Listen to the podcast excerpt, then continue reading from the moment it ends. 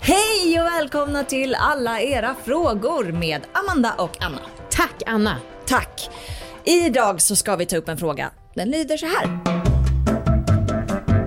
Jag och min partner har haft det otroligt tufft med sexlivet det senaste året. Vi har varit tillsammans i åtta och ett halvt år. Det är som du Anna. Ja, typ. Det största problemet är att han har större lust än mig och tycker inte att jag är tillräckligt engagerad. Jag försöker verkligen att bli bättre på att intressera mig och vill ju också såklart att han ska kunna tillfredsställa sig själv om han känner behovet och jag inte själv är sugen. Problemet är då att jag så får så ont i magen när jag råkar komma på honom med att onanera. Och jag vet inte varför som sagt. Det rimmar liksom inte med mina faktiska värderingar. Jag tycker att det är en självklarhet att man ska få ta hand om sig själv. Men varför tycker jag att det är så jobbigt? Finns det fler som känner igen sig? Eller vad kan det bero på? Wow. Okej. Wow, wow, wow. Internet, där lär man ju hitta någon som kan hålla med. Mm. Min kille brukar onanera och titta på porr på kvällen när jag har somnat och oftast så vaknar jag av det. Brukar ligga och titta på honom i smyg en stund innan jag tar över, blinkande smiley. Går igång otroligt på det. Han däremot, han kan bli lite sur när jag gör det. Varför vet jag inte. Haha. Okej. Ja. Eh, en annan. Eh, en söndagmorgon vaknade jag av att hela sängen skakade. Jag är inte direkt glad på morgonen och det fick han veta när jag vaknade av att han kollade på porr och runkade så att sängen skakade så pass mycket att jag vaknade.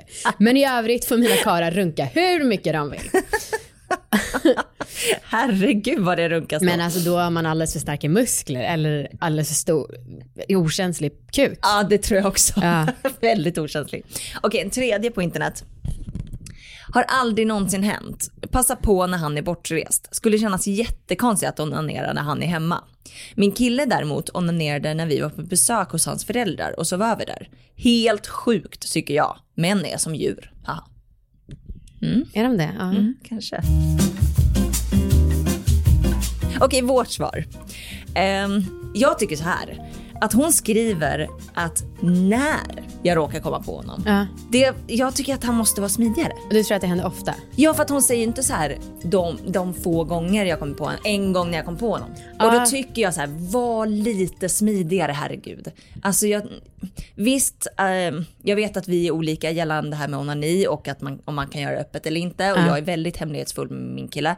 Ehm, men jag tycker att onani är något man gör för sig själv. Nej men alltså jag gör inte det, herregud, när Viktor liksom, det är ju fåtal gånger när jag har haft ett syfte, typ att jag ska spruta in spermier, du vet. Ja. Men det är inte som att jag gör det för skojs skull, alltså att jag bara har dörren öppen. Eh, utan jag försöker också vara lite smidig Ja. med det. Men alltså, och vill man inte vara det också? För det är väl ändå någon, en, liksom, en egen sak. han kanske tänder lite på, alltså, han kanske tycker att det är en del av deras sex. Men alltså, hon tycker att det är jobbigt och jag tror att det beror på att de är så olika i sin sexlust. Att hon får mindre världskomplex av att han tillfredsställer sig själv och vet att han egentligen vill vara med henne men att hon inte vill ge honom det. Gud ja, det kan jag tänka mig. Mm. Ja, och, och det blir ju stress att se, liksom upptäcka honom, att han gör det mycket oftare. Ja. Alltså jag, ja fan, jag, jag, tycker typ, alltså, det är som du säger att han får bli smidigare men också lite att hon kanske måste släppa det för att alltså han har ändå sagt att han vill vara med henne, hon vill inte det och då är det ju perfekt om han då kan lösa det på egen hand. Ja, jo men faktiskt, alltså hon, hon måste komma över det. Ja. Ehm, och jag tycker egentligen, det här ligger tyvärr på den här personen som har skrivit in. Eh, han har ingen skuld i Mm. Nej. det, tycker jag. Så att jag tycker att det är, jag tror, jag tror att det är dumt att snacka med honom om det. Tror du? Ja. Men hur ska han bli smidigare då utan att... Jo men det, det kan de väl säga. Ja. Men inte liksom säga att hon mår dåligt av att han gör det. För det tror jag bara blir skitkonstigt och jobbigt för honom. För att han måste väl ändå få onanera utan att känna skamkänslor. Ja, ja men precis, men hon kan väl säga att hon ja, men tycker att det är lite jobbigt för hon vet att hon egentligen vill vara med men att hon inte pallar typ. Och det är därför hon vill att han ska göra det lite mer hemligt. Ja. Okej men vi tar en expert. Det gör vi. Det här är Susanne Lindström, som vanligt. Jag tror att det var en artikel på Expressen. Först vill jag betona att det är helt normalt att ens partner onanerar. Det är dessutom väldigt bra. Resultatet av onani är nämligen att man lär sig sin egen kropp och sin sexualitet så att man känner sig säker och får lättare att njuta av sex tillsammans med en partner. På det sättet befrämjar onani sexlivet för ett par. Får jag bara fråga en sak Anna? Alltså hur kan vi fortfarande få, jag menar inte att shamea den här personen som har skrivit in, men eftersom att varenda proffs på sex Ja. säger att onani är bra. Ja. Alltså hur kan det fortfarande vara folk som bara, hjälp är skamligt onanera, bla bla bla. Ja. Alltså det är det enda man får höra hela tiden. Ja, och jag tycker också att det är ganska, det är ganska lätt googlat. Att det är ganska Ja. lätt att få fram om man googlar Ja. onani, skam. Typ. Ja, okej jag fortsätter. Att du känner dig obekväm med det är heller inte så ovanligt. Man vill dela sexualiteten och kanske till och med känner sig utanför. Så onani är ju en väldigt privat sak.